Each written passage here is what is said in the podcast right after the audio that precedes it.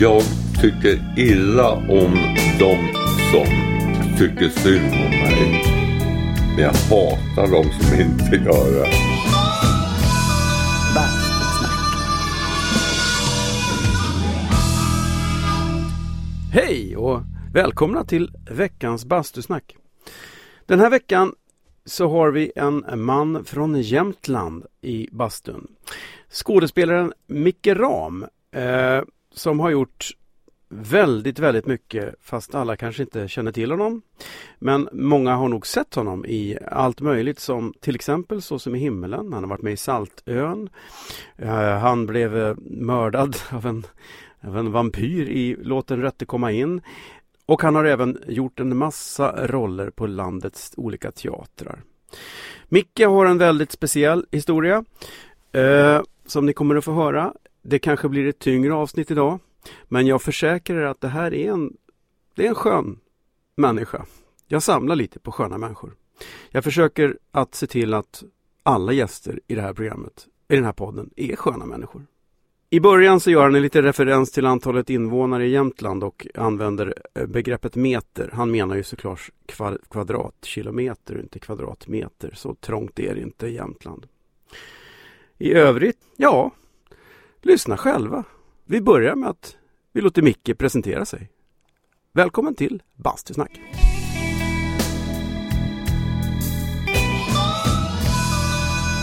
Bastusnack. Ja, hejsan. Jag heter Mikael Ram. Jag är skådespelerska. Jag kommer från eh, Oviken i Jämtland. Jag är 59 och 99 år. Jag fyller 60 år den 15, 15 maj och eh, då jävlar ska jag dricka saft hela dagen. Hela- Alltså. Ja, du får inte dricka alkohol nu. Nej. Sa vi va?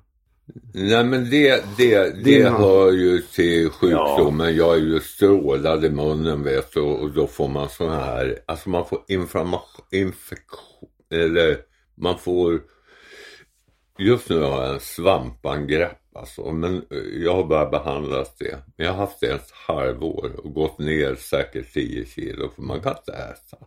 Svider, allt svider.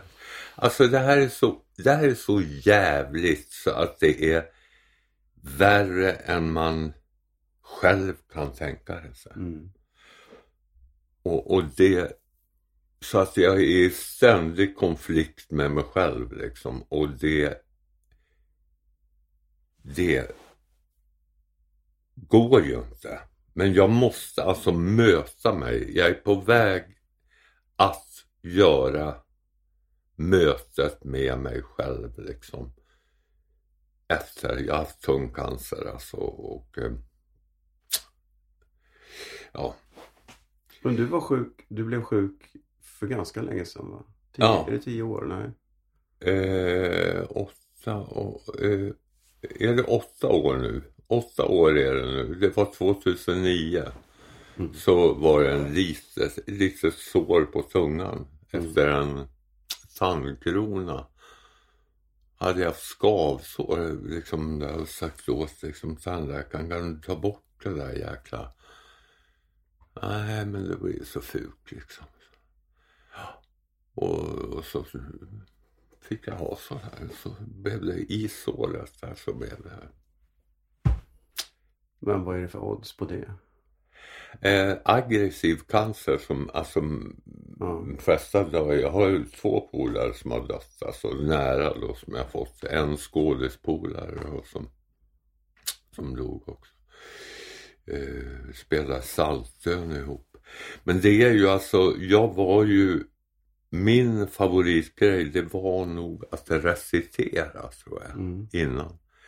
Eh, jag var ju skitbra på det, liksom att hålla det roliga är att i fjol så eh, ringde de från Trondheim Mhm.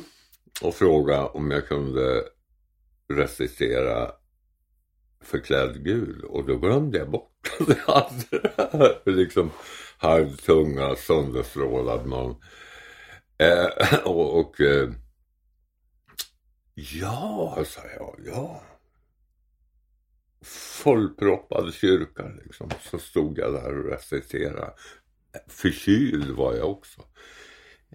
gick jättebra. Fantastiskt. För man kan ju känna att skådespelarens alltså mest oumbärliga instrument är tunga. Ja. En skådespelare utan tunga är ju Nej, Inte, det är ju är ungefär det- en pianist utan fingertoppar Ja. liksom. Jag tycker det är fantastiskt att du, att du har kommit tillbaks på det sättet. Ja, det är skitbra. Och det är det som Alltså alla har ju hjälpt mig. Din fru har hjälpt mig jättemycket. Henne tänker jag jättemycket på liksom för att vi hade två konserter då med eh, finansmannen Mats och Sundqvist. Mm. Mm. Och när det liksom är motstånd, för att hemma får jag ingen hjälp. I, absolut ingen. De behandlar mig som jag vore död i princip. Liksom. Men, men för övrigt så är folk jäkligt snälla. Nu Liksom. pratar vi hemma så pratar vi, inte om, då pratar vi inte om din familj. Vi ska bara förtydliga det. Ja, Det är inte familjen det är inte, det är inte familjen. Nej. Det är, det är liksom hemma och det är länskultur och allt vad de heter. Som jag har varit i fejd med. Ja, jag startade en teater där uppe för 20 år sedan och den gick 100 000 i överskott efter första produktionen. Det är ganska oslagbart Mm. liksom. Mm. Eh, Vi satte upp Tjechovs frieri på jämska. Mhm.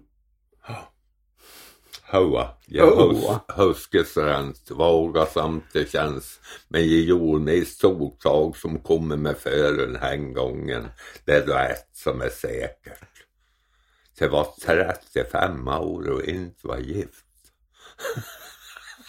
Körde ni, hade ni textmaskin då eller? För oss som inte... Nej, nej, nej, nej, för fan alltså. Jag, jag brukar säga det. Jag ber aldrig om ursäkt när jag pratar jämska. För det är ingen som har bett jämskan om ursäkt. Och alltså vår, mina föräldrar, när de gick i skolan så fick du, fick du stryk alltså, av läraren om de pratade sitt språk. Men vad är det med jämtar? Alltså, eh, jag har åkt land och rike runt på diverse turnéer och sånt. Och det enda stället där man vid något tillfälle kan få ett tillfälligt pass, det är när man, red, när man reser in i Jämtland. Har fått ett, eh, det finns ju en stolthet som är, gränsar sig till en nationalism som gör att man vill bryta sig ur. Vad är det som har gjort att just Jämtland är unikt i Sverige med det? Det är ju inte, jag, Vet du vad jag... det är ingen annan som håller på Vet du så. vad, alltså, det ligger oss i fatet alltså. Det är inte bra det där. Eh, för oss som bor där. Är det en stolthet det är som en går överstyr? Det är en regering, alltså med Evert Ljusberg då, och så var Kim vice, Kim Andersson och så är det Ekevall och sådär. Ingen av de här bor ju i Jämtland, det klarar de ju inte av. Alltså vi, vi är ju tre, tre människor per kvadratmeter som bor kvar. Vi är, vi är alltså på en yta 40 mil lång och 20 mil brett så är vi lika många som på Södermalm. 125 000 eller något Mm. sånt där. Alltså det är ju... Men mitt utgångsläge liksom det är ju att vad hände på 50, 60, 70-talet när man tömde landsbygden i Sverige och halva min släkt flyttade till Upplands Väsby och man undrar vad, varför. Men jag vill prata nu om det här med, med den här provinsialismen, nationalismen. Jag ska säga det, vi jämtar håller inte ihop. Utan det är Mm. bara, och, och jag brukar kalla det här för skämtland. Och det är så farligt när det blir på det här viset. Att, att man inte, liksom, man leker att man håller ihop och så gör man inte det. Så det är bara en image då? Alltså. Det är alltså en dag per år så står vi på torget och skriker Jämtland, Jämtland, Jämt och ständigt ja. åt då eh, Evert Ljusberg som kommer upp åkande ifrån Västergötland där han bor. Ja, det är lite absurt. Ja, det, det, det är liksom... Eh, alltså många tycker nog att det här är viktigt och sådär för, för det, det, det, jag, jag tycker inte det är bra. Alltså för Men finns det en historisk, har Jämtland en historia som gör att man är mer nationalistisk än andra eh, län? Alltså det känns ju nästan som en utbrytarstart. För ibland känns det som att det är väldigt mycket skämtsamt. Och, jo men det, det, vi kallar oss ju republik ja. och det var ju Yngve Gamlin och Beppe Wolger ja. som höll på med det. Ja. Liksom när Beppe hittade sitt ställe upp på ön. Och Beppe var ju fantastisk. Alltså Beppe åkte omkring i Alltså i norra Jämtland överallt och gick in hos folk alltså och skrev dikter på jämska och så. Och sen så blev det lite, ja det var några som hette jordbänningar som kom upp ur, ur eh, en myr liksom som hade stora djur på sig och sådär. Mm. Eh, han upp, uppfann de då det här? Alltså fanns ja, det inte... jag, nej, jag, tror, jag, jag, vet inte historien men jag tror att han uppfann de här alltså. Eh, han...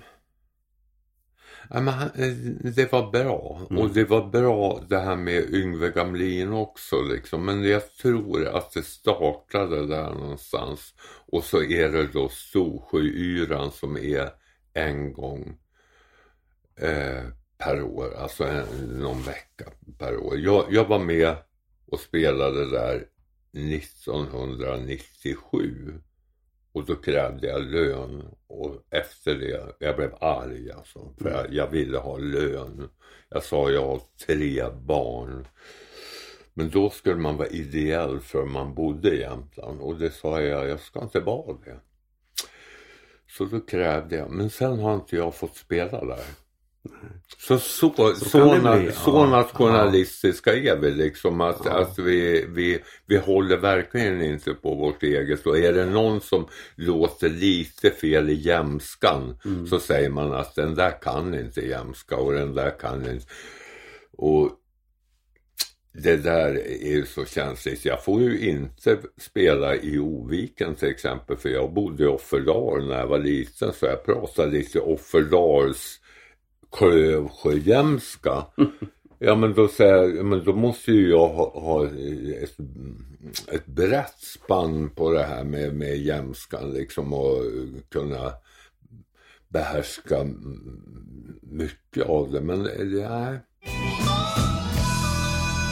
Bastusnack. Jag är fruktansvärt konstnärlig. alltså jag tror jag är konst, liksom riktigt sådär äckligt konstnärlig alltså, så jag måste liksom grunnas i grunden på kärnan och alltihopa liksom. Och Fast noga. Du har ju också gjort eh, saker genom alla år. Du har hållit på sedan 70-talet va? Jag började 1969 ja. i samma grupp som Rolf Lassgård. Mm. Ja. Vi var hos tant Rut, en mattant i, i, från Småland. Ja. Och vi fick åka på läger varje helg nästan kändes det som. Alltså. Och det var skapande dramatik, man låg och skrek på golvet och så. Så jag brukar tänka så. Jag öppnade nog mitt instrument innan jag blev könsmogen. Mm. Men var det parallellt? För du har ju varit simmare också. Ja. Var det före eller efter eller samtidigt eller? Uh, nej men det var, det var, det var väl parallellt. Alltså jag, jag, jag var med på någon sån här skoltävling och så märkte jag att jag var simma en längd och, och jag var en halv bassänglängd före alla andra. Jag tänkte, vad, vad beror det här på? Men sen så, jag var inte speciellt begåvad men jag har faktiskt 125 DM-tecken i Jämtland. Det Ja, det, det är rätt så mycket. Men jag tränade och jag tror det beror på att jag ville bli... Först ville jag nog bli dansare. För det här med tal är inte min grej riktigt så. Men sen så såg jag Beppe och Lars Ekborg på tv när jag var liten och då var den här när han eh, skäller på Beppe liksom och kallar honom jävla homo. Blir du inspirerad av det, då ska du få en propp så skägget ramlar ner i byxorna på dig.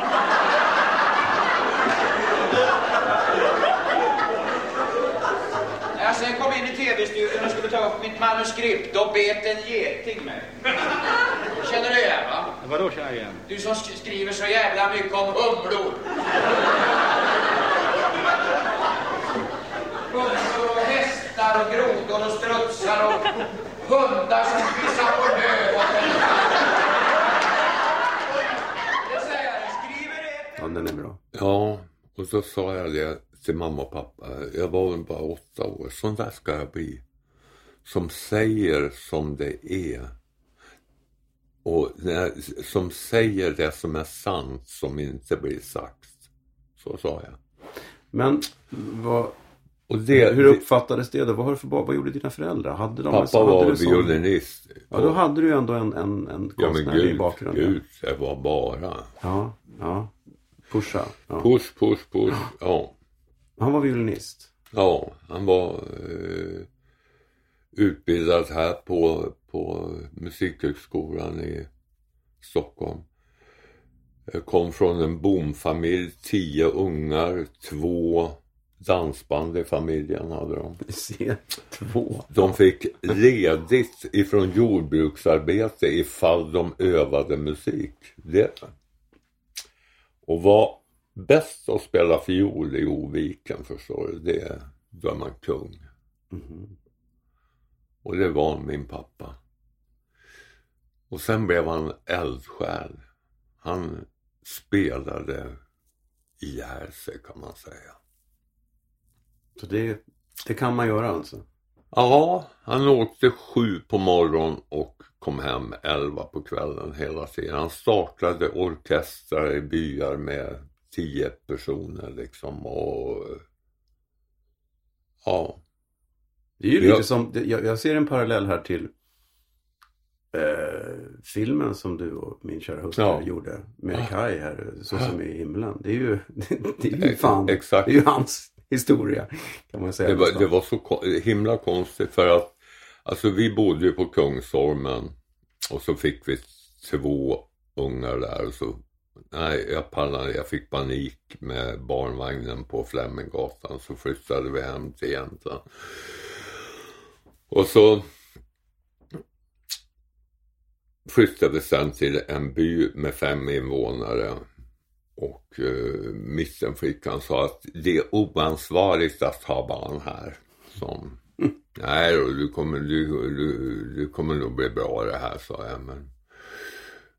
Och så följde hon med någon klasskompis hem och hon hade ju en egen bil så det var ju, var ju häftigt. Eh, och när jag var på skolan då eh, med ungarna så ringde de och då hade jag fått, jag hade provfilmat för den här Sås med himmelen. Mm. Och jag såg det som ett tecken på något sätt liksom. Hela det här liksom, att vara lidelsefull konstnär, eh, musiker, skådespelare och vilja göra skitbra grejer liksom. För jag var ju anställd på Skaraborgsteatern och där sa jag, eh, alltså det var någon teaterchefsekreterare där, hon sa hon pratade alltid om att inte folk hade diskat sina muggar. Och jag sa, jag skiter Jag kan diska ett helt år, bara, bara slippa höra det där om muggarna. Det enda vi ska gå in för på den här teatern, det är att bli världens intressantaste teater. Mm. Om människan vänder sig till mig och säger, det tycker du ja. Ja. Och då sa jag upp mig på stående fot. Jag, jag sa liksom, Nick, jag kan inte vara i sådana miljöer. Liksom. Det går inte. Ja, men du har en jävligt hög konstnärlig integritet. Mycket, ja. mycket. Och jag vet liksom inte riktigt vad, men det, det måste nog vara efter pappa liksom. Ja. Att man, man har så... Det är på allvar, det är ingen jävla Det är skojeri. så på allvar ja. alltså. Om någon bad mig krypa två mil för att komma in i rollen skulle mm. jag göra det alltså. Mm. Och i den här Sås med himlen så har jag ju någon gråtscen där med Helene. Mm. Och den tog de om tio gånger. Och jag grät på riktigt i två och en halv timme. Fan vad jobbigt. Nej det var inte det. det var, hon ringde alltså Kajs syster dagen efter och så där frågade jag mådde. Och jag mår jättebra, sa jag. Jag har ju fått ur med allt nu. Men jag känner sån tillfredsställelse när jag kan göra något riktigt bra som känns sådär. Det, det, är ju, det är ju därför man jobbar med det här, för att man vill man vill öppna andra sinnen på något sätt liksom.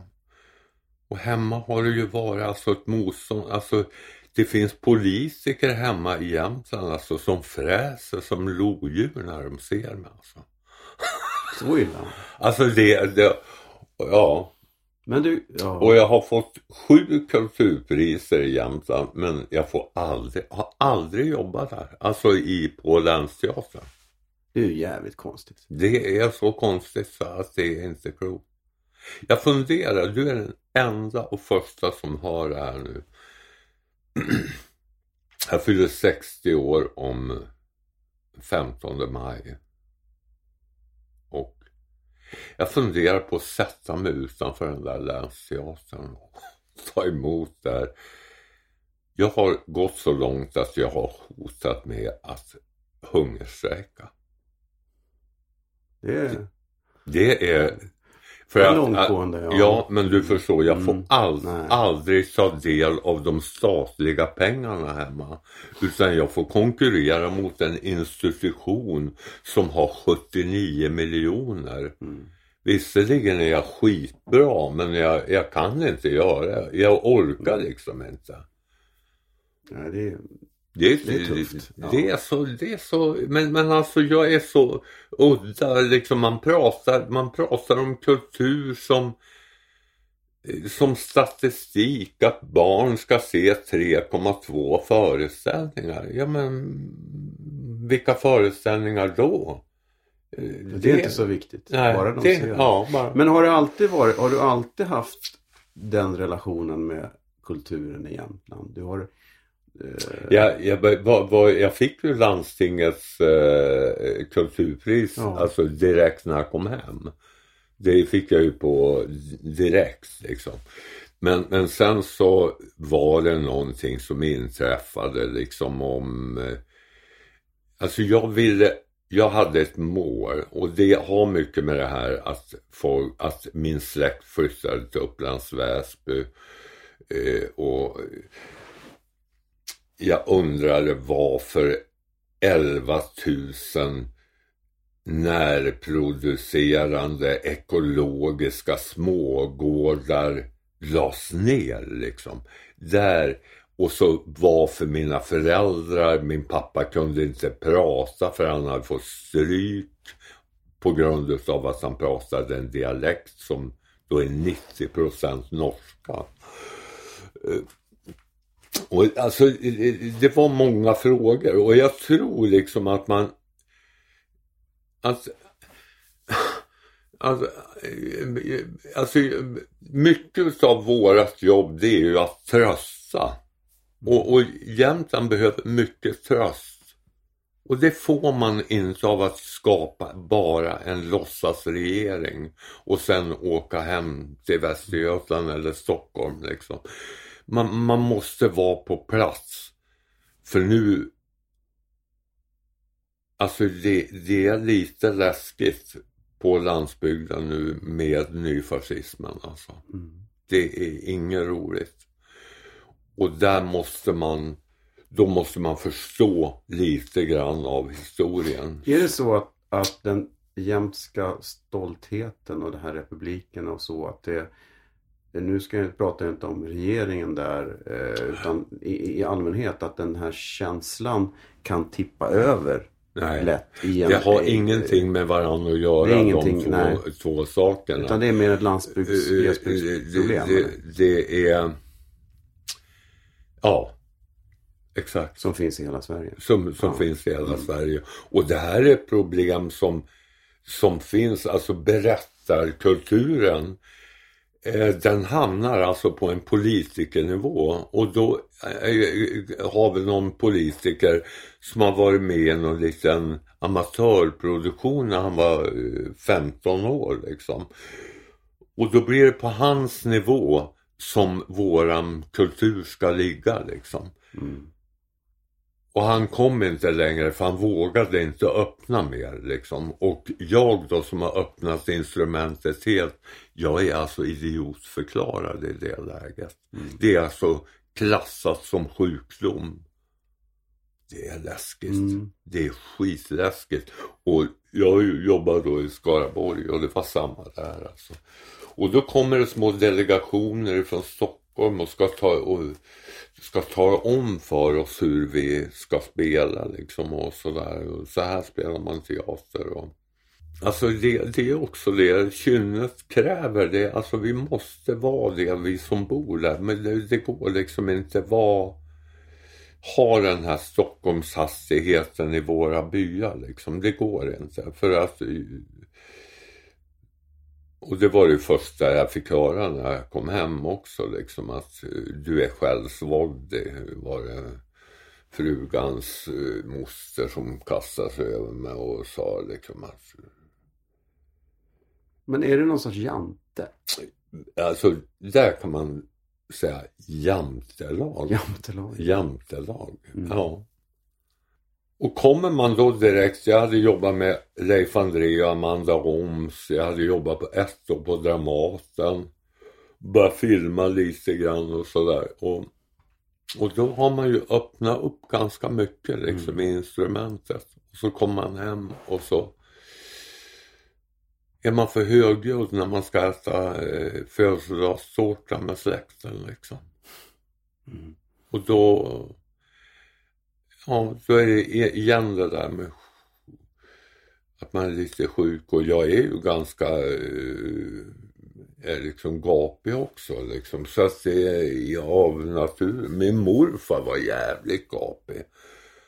Han var rolig alltså. Han, han låg, när han låg på långvården så var det kö in till honom. Alltså. Alla ville gå och hälsa på honom för han var så odräglig.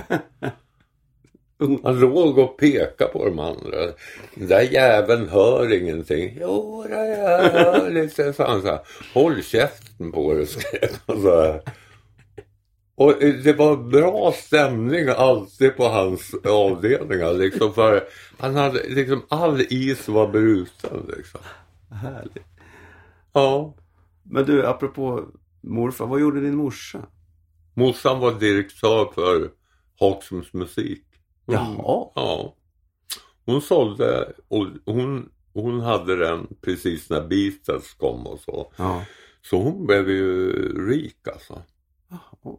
Hon, alltså inte för själva Hagsum-koncernen men hon hade alltså affären i Östersund. Ja, musikaffären Ja, Hagströms. i, i, hon gjorde pengar.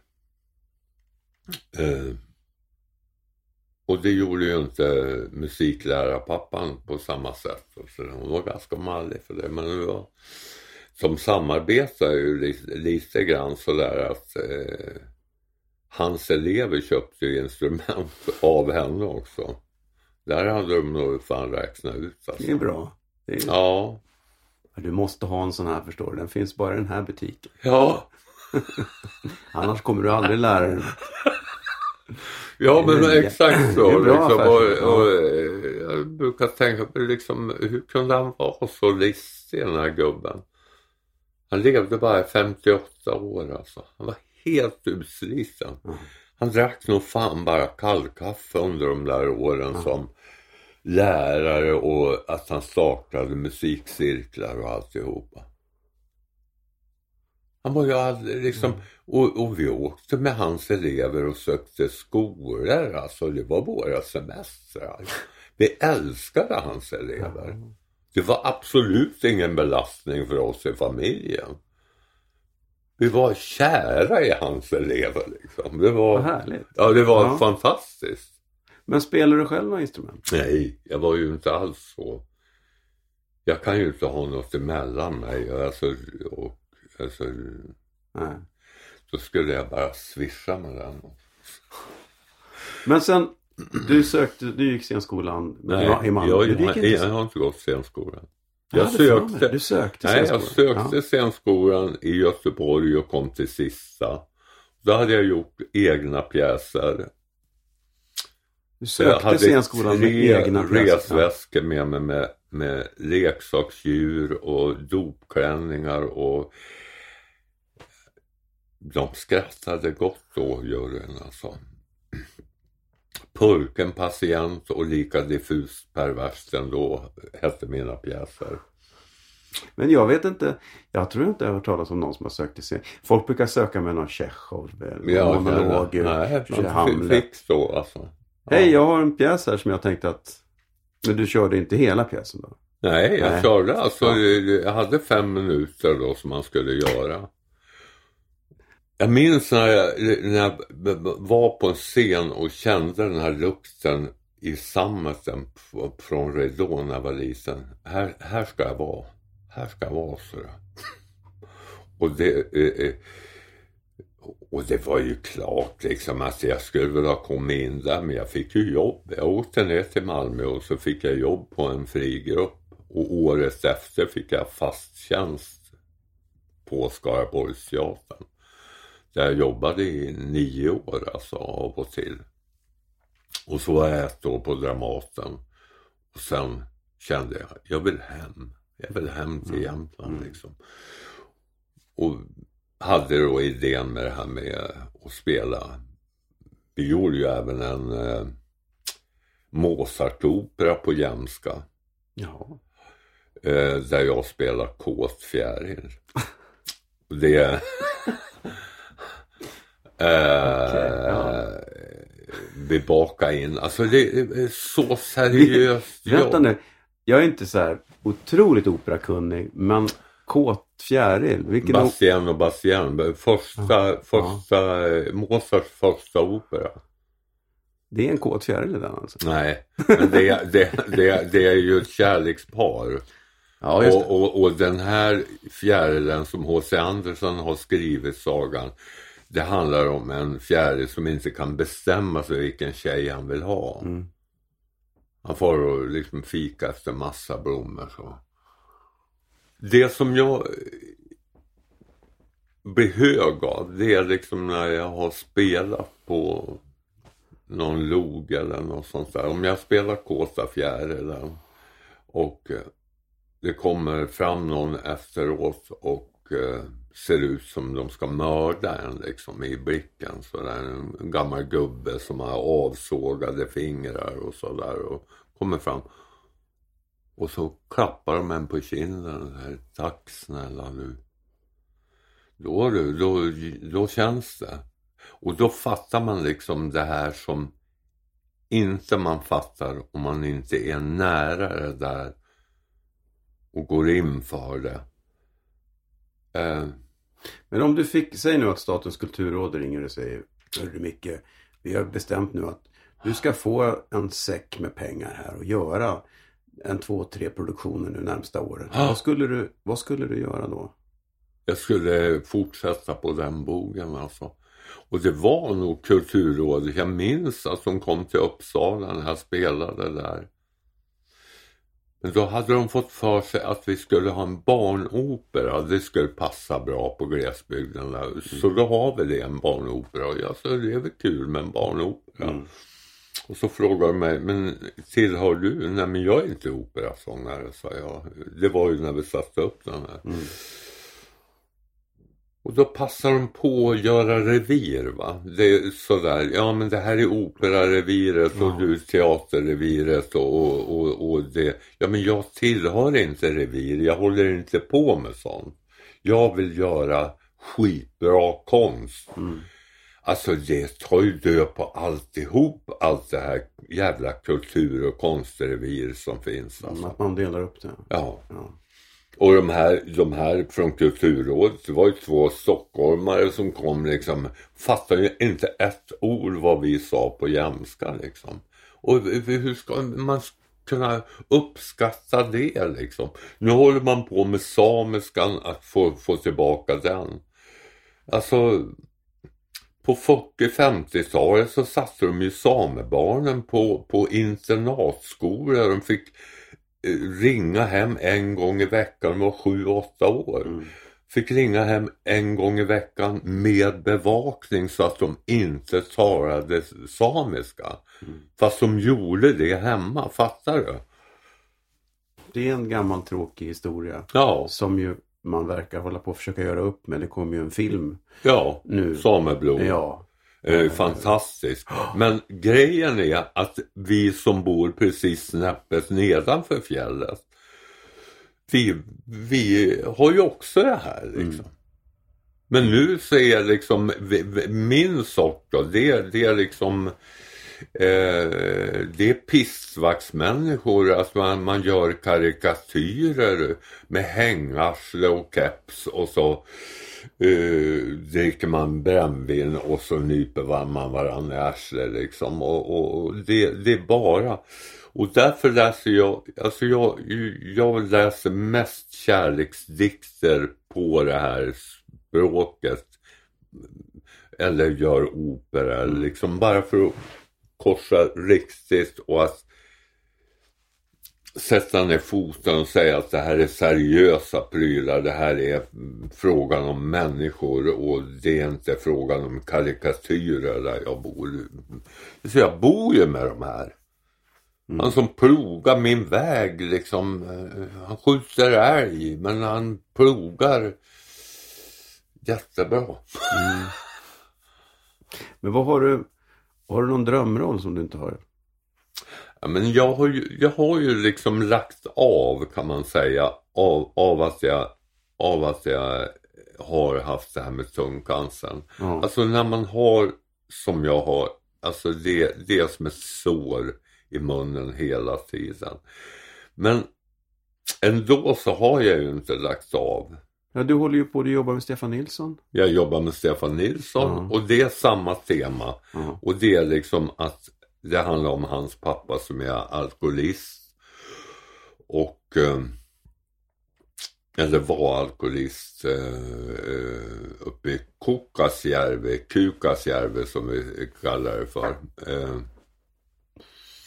Han köpte ett piano där som blev Stefans lycka och han håller på att försöka försonas med den här pappan eh, som Trots allt köpte ett piano. han köpte ett piano och säger det i pjäsen att att köpa ett piano på 50-talet i Kukkasjärvi det är ungefär som en Östermalmstant köper en plog.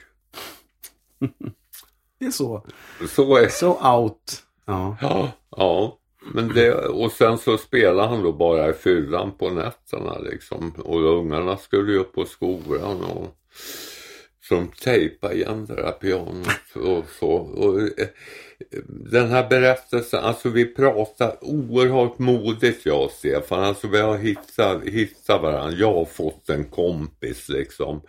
För jag har liksom inte haft någon riktig kompis eh, i, i den här världen som är ganska, alltså det är mycket armbågar och mycket fullir alltså. Men det fanns ju en fantastisk man som ändå måste man kalla din kompis som hjälpte dig jävligt mycket med när du hade problem med, med efter operationen med tänder och elände. Den här Mats och Sundqvist Ja. menar du? Ja, Ja, ja. Men han ringde alltså precis när jag hade fått avslag för de hade dragit ut två tänder så det räckte och så hade de huggit av med tungan. ja. Och då ringde han och så Eh, vi var grannar när jag var jätteliten så jag kände inte honom speciellt väl sådär men han kände väl mig mer, han var ju sju år äldre än vad jag är. Och så ringde han och så eh, Jag får inga nya tänder utav käkkirurgen här i Östersund och eh, Nej men det köper jag åt dig, sa han. Ja, ifall jag får sjunga duett med Helen Sjöholm, sa han. Ja men jag är ju inte Helen Sjöholm, sa jag, men jag kan ju ringa till henne. Och Helen sa direkt när jag ringde att det är klart jag ska sjunga för dina tänder, sa hon. det är jävligt fint. Det var vackert. Och så var jag hämtade henne på någon, en konsert på Mariatorget, alltså tio på natten och vi åkte liksom igenom ja, Uppsala, Gävle och så åkte vi till Sundsvall och sov vi över. Nästa morgon så körde vi upp till Mats och Sundqvists slott och så bjöd vi dit några och en tidning och sådär och så hade vi en konsert. Och då fick han sjunga duett med Helene och jag fick tänder. Jävla bra deal. Ja, det är en jävla bra det. Det är så vackert. Det är så vackert. Det är så, oj, oj, oj. Men han var väl rätt speciell, den killen också va? Mycket. Mycket. Och, och älskade musik. Och det var ju därför han kom över till oss varenda dag när han var liten. Mm. För han älskade musik och min pappa var ju men, men han skällde på min pappa för att pappa ville ju att alla skulle spela fiol. Mhm. Och även den här då. Men hade han fått fortsatt att spela piano då hade då hade han nog blivit sångare istället för finansman. Så jag tror han var god för 13 miljarder. Ja. Och sen så hände det något med Carnegie och, och finanskrisen där så att det blev eh, 100 miljoner eller något sånt där. Och men det räcker väl sa jag. ja. Man kan tycka det. Ja, man kan tycka det, men han var... eh, Vi var vi, det var en roligt par genom att jag liksom, jag har ju bara haft 5000 över ibland liksom sådär. Jag, jag, jag tycker det är fegt att ha mycket pengar. Liksom. Jag, tyckte, eh, jag växte upp, jag var bortskämdaste barnet i, på Frösön där jag växte upp. Jag fick en skoter när jag var tio år och sådär. Min fru är likadan, hon kom också från en sån här familj som hade mycket pengar och vi fattade inte, vi, hon är ju konstnär. Och vi, vi tycker det är fegisar som håller på med pengar. Det ska man inte göra. Det är, man ska vara modig med pengar. Vi har, jag har en, eh, ett avsnitt i den här podden som heter Skämskudden. Mm. Där, man, där jag har bett folk, oftast om det är någon som sjunger eller spelar, att man tar med någon inspelning som man gjorde när man var i en viss ålder och var jävligt stolt över. Och sen så i vuxen ålder så känner man att oj, det blir lite ja, hoppsan vad pretentiöst och pinsamt. Och, och, men jag tycker, jag bestämde mig för att i det här avsnittet har vi... Nej, men nej, inte alls. Tvärtom. För i det här avsnittet bestämde jag mig för att vi struntar i skämskudden eftersom Mm. jag tror du är en av de få jag känner Mm. som har sagt att du ångrar ingenting. Du, hade ingen, du har ingen Jag har, jag har ett, när, när jag, jag var med i den här teatergruppen med Rolf Lassgård när jag var riktigt liten så, så gjorde vi en grej. Nu har jag gjort en melodi som vi kan sjunga.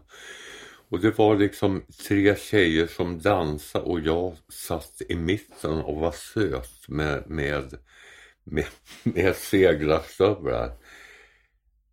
Det skäms jag. Vad bra, då har vi, då har vi en, en Det, skämskudde. det skäms jag över. Med, med någon slags jävla shorts och... Alltså jag skulle vara söt.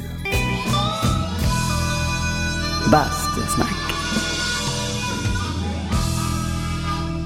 Jag har jobbat med någon som man, man tittar in i ögonen när man jobbar så där så ofta på de här länsteatrarna liksom där där man inte får bygga själv utan det finns en norm över hur så här ser länsteateruppsättningar ut. Som, då spelar man inte eh, opera och kåt fjäril, Mikael, fy skäms på dig.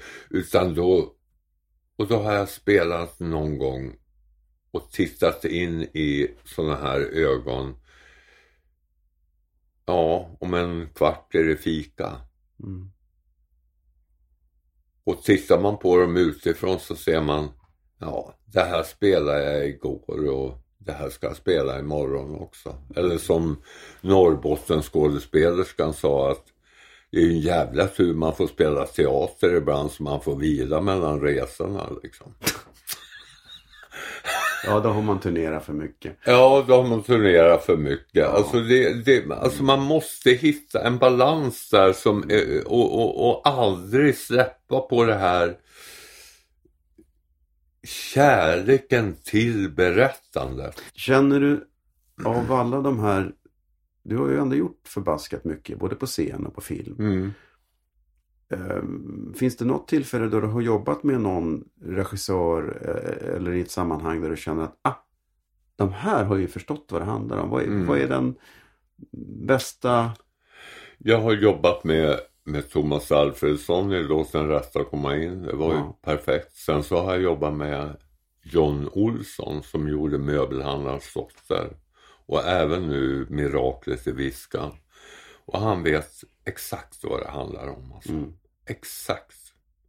Och jag sa ju, äh, men jag kan inte filma nu för att jag, jag har ju ingen tunga och jag har... Eh, så ni får hämta mig i sådana fall. Ja, men vi gör det. Men vi vill ha med dig för du, du förstår det här liksom genom att du bor där uppe. Sån respekt Mm. liksom. Och han tjatade riktigt att jag skulle komma och gjorde en liten scen. Och då fick jag göra en scen med Rolf Lassgård. Och då hade inte vi spelat, det här var två år sedan. Eh, då gjorde vi en scen och har inte spelat ihop sedan 1969. Vi har varit med i Hök och sådär och delat låt men vi har aldrig gjort en scen ihop. Han hade blivit lite bättre än vad han var nu. Ja, det är fan på 50 år. Ja, jag han, var, och eh, han är god alltså. Jag, tycker han, jag jag, har tycker- alltid tyckt, jag har alltid tyckt om honom. Ja. Eh, Jag tycker alltid, Ja. Han är alltid trovärdig i sina prestationer. Jag tycker att jag är bättre. Nej men det är så kul liksom. Alltså, jag, vi är ju helt olika genrer alltså på något sätt. Liksom. Det, det är så roligt det där. Och just att jag var tävlingssimmare så har man ju i sig lite av det där också. Att man vill, ja den där slår jag nog liksom. Den där slår jag nog. Och, samma med Leif André. Han träffade jag liksom på ett simläger på Mallorca. Vi var ju tävlingssimmare. Vi träffades 1974 på simläger i, på Mallorca. Vi skulle få åka hem redan nästa dag för vi gick ut och festade först som vi gjorde. Äh. Men vi var ju bra på att ljuga också så vi sa att vi hade inte varit några fulla ja. Nej. Och, och så simmade vi och så. Men vi har följts åt alltså all, under alla de här åren. Um. Jag ser plötsligt, får plötsligt en vision av att du sätter upp I väntan på Godot på jämtska med Leif André och Rolf Lassgård. Ja, Jo, men alltså jag skulle ju vilja regissera. Alltså för mig så det är ju för svårt att veta hur en sån här jävla mun mår, vad som är strålad. Så att jag, jag måste liksom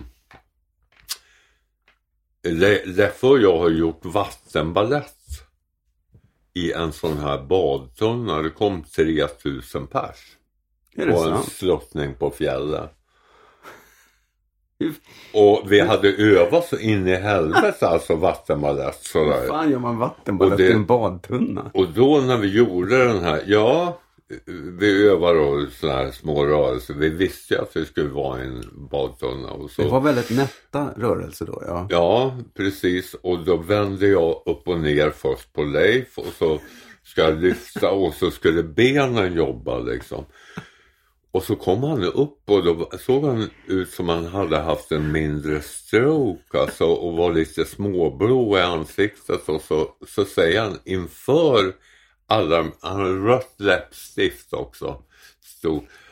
Och så säger han till mig liksom du lyfte inte tillräckligt högt, jag fick ingen luft. och jag är på låg. Men jag säljer alltså vattenbaletter som föreställningar. Jag är, jag är dans, väldigt, väldigt mycket dans alltså. Den här finns inte, den är, finns inte på film den här. Nej, nej. Det, Nej. Finns, det finns på eh, tidningen. Tidningen var ju där. Ja. Och eh, väldigt roliga bilder när vi... Ja, jätte... Och, och samma där, så seriöst. Vi går in för det liksom i två hela dagar så håller vi på och lägger koreografier liksom. Mm. Och det är så kul att göra saker bra som eh, Ja men som karl så ska man väl ändå inte dansa vattenbalett. Jo det har fan det ska man visst alltså. Man ska dansa vattenbalett så det står härliga till alltså. Och att man går in för det och liksom och hittar berättande i, i det här och sår frön, alltså vilka häftiga frön man sår en sån gång alltså. Till karlar då som, som tror liksom att ja men så där får man ju bara vara när man är på fyllan liksom. Mm. Nej men det behöver man nog inte vara, man får leka fast man inte är full liksom. Mm. Alltså det är jävligt strängt för oss karlar hur, hur mycket vi får bete oss alltså. Men har du problem med det? Finns det folk som tror att du är packad? För att du talar som du gör? Men jag brukar säga det, jag har ganska bra och, och det är ganska bra att jag är skådis också. Och jag, har tag, jag tar ju upp det om jag känner att, alltså jag kommunicerar ju med publiken. Mm. Ja, ni kanske tror att jag är packad nu, men det är jag aldrig när jag är på scen, säger jag. Jag är inte ens bakfull. Jag klarar inte det. Det, det blir... eh, Utan eh, jag har halv tunga eh, efter en cancer, säger jag. Nu, vi, nu pratar jag, nu berättar jag istället. Nu, nu glömmer vi det där att jag hade cancer. För jag vill inte vara i det heller. Nej men du vill inte vara killen med cancer. Nej. Jag vill ju vara Micke Ram, Så, så, skådespelaren. så, Ja. så, här, så här är det. I den här situationen så är det. Min situation är så här. Jag tycker illa om de som tycker synd om mig. Men jag hatar de som inte gör det. Alltså genom att inte jag är överens med det här själv så jag måste ju bli det först själv innan man kan till exempel driva eller sådär mer eller och så, och så under tiden då så blir man ju alltså Försäkringskassan höll ju på med människor även om man hade cancer liksom. Men det tog sju år och jag var utförsäkrad alltså i fjol höst så såg jag reprisen på Saltön där jag spelar polisen. en dialog med Per Myrberg. Så ringer telefonen, för jag har ringt upp SOS. Jag har ingen mat.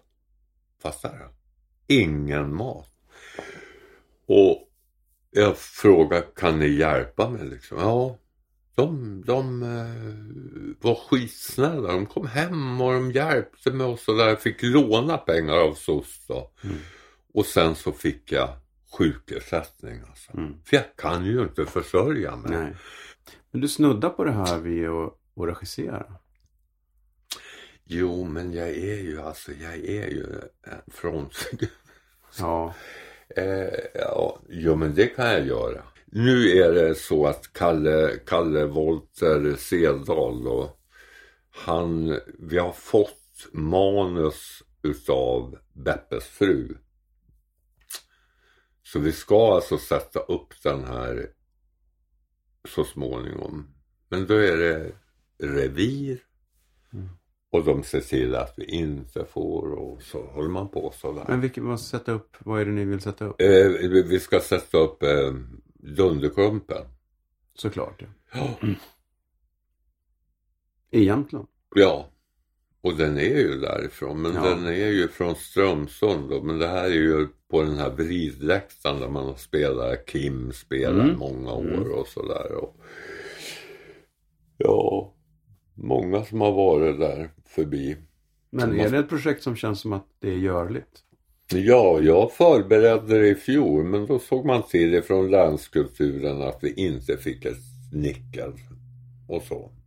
Då gjorde man något annat för att jävlas helt enkelt som man håller på inom teater, att man håller på med revir. Och är det något jag skulle vilja säga här till alla som håller på med konst. Konst ska öppna, inte stänga och framförallt inte ha som något jävla revir som vi vore råttor liksom. Fy fan säger jag för detta. Och så har det varit hela tiden. Så jag började med amatörteatern. Du får inte vara med här. Du, nej, du, kan, du är för högljudd. Du är för... Ja, du så, så. Man kan ju prata om det liksom. Alltså, att konst ska inte begränsas utan konst ska resoneras och våga. Och man ska komma liksom, men jag, jag är någon sån som skrattar lite för högt och, och ropar för högt och, och flaxar och gör piruetter och alltihopa sådär. Ja, men du återkommer mycket till det. Men jag tror ändå att det inte är lite en, en, en, eh, en, en ja, inte begränsning, men är det en, en produkt av, av jantelagen? Ja, ja absolut. Som gör att du eh, känner alltid, så, Jag har jag alltid känner att- fått höra det. Ja, och det, jag tycker det är synd att, att det är en sak att någon tycker, men att, att det måste ju vara jobbigt att vara den som känner att oj, nu är jag för högljudd här. ja. Men känner du någon gång att, att, att du har satt principen för högt? Att du någon gång Mm. gick emot något när du tänkte att fan, jag, kan, jag skulle ha gjort det. Det var en ganska kul grej att göra ändå. Mm. Känner du att du har missat några saker för att du har liksom bankat i, att, att du har varit för stolt? det gör jag ju hela tiden Ja. genom att jag är rädd för det här för jag har fått på käften hela livet för det. Ja. Alltså just det här att vilja säga det som är sant som inte blir sagt. Och det sägs ju inte för att det är farligt att säga det för att då är man oförskämd. Man är... Men det är ju det om man, om man reagerar på något som någon säger högljutt av vikt liksom så är det ju oftast jäkligt viktiga saker och blir man upprörd då, då har man ju faktiskt avslöjat sig att man inte vågar ta i just det där problemet. Som fred i världen och, och Ja, men det, det, det, är ju- det, det är ju det man ska gå in för varenda gång man går ut på en scen. Liksom. Jag ska fan med fixa fred i världen. Liksom. Och det låter ju hur barockt och löjligt som helst men det är ju det är en rolig, det är ett roligt mål. Ja. ja. Jag tycker du har lyckats med dina barn. Ja, De är, de, de är snälla. De är snälla. Alltså, nej men jag, jag är jag är sån där förälder som är jag frågar en gång för mycket. Är du en tjatig förälder? Det tycker nog de. Och de tycker nog att jag går in på områden som Alltså nu är de ju fan 26 och 24 och 22. Så nu handlar det ju mest om knullgummi liksom. och, och, och man öppnar där liksom. Jag säger det skydda er för sjutton med det så drar ni inte på er massa basiller liksom ifall ni är med många olika och sådär. Och sådana såna samtal. Och sådana tar jag. Det är... Det är inte alla farser som kan prata med sina döttrar på det sättet. Nej. Men de pratar väldigt mycket mens, PMS, liksom allt, allt med mig. Så och det, det Vi fick något sorts terapeutiskt tips av dig och hustrun någon gång. ja. Hur ni, hur ni tänkte när, när det var för mycket. Vad var det ni brukar säga? Vi brukar säga det, vi hade, vi hade tre barn som kräktes och pinkade på oss varenda natt liksom och, och det började skrika mitt i natten och sådär och då så då lekte vi en lek att vi var narkomaner och att vi hade nio andra barn i ett annat rum som också skulle tas hand om. Liksom. Men att vi skulle fixa tjack först. Kändes det bättre då? Ja, mycket, mycket. Det var ju skit. Det var ju... Och den där be- berättade jag för er när ni hade riktigt små barn. Ni blev så glada minns jag. Ja, man får perspektiv. Ja, exakt. Ja. Det är ju världens bästa lek. Jag vill tacka Ja, dig. tack Det är första mycket. gången som jag har en äkta jämte i bastun. Ja, men jag, jag är ju en världsmedborgare också.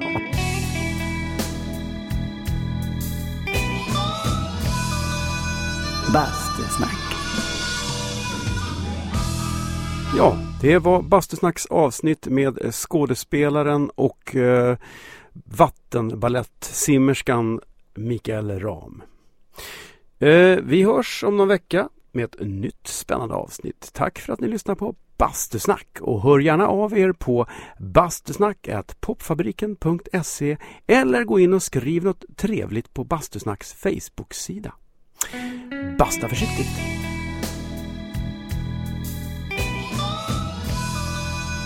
Bastusnack.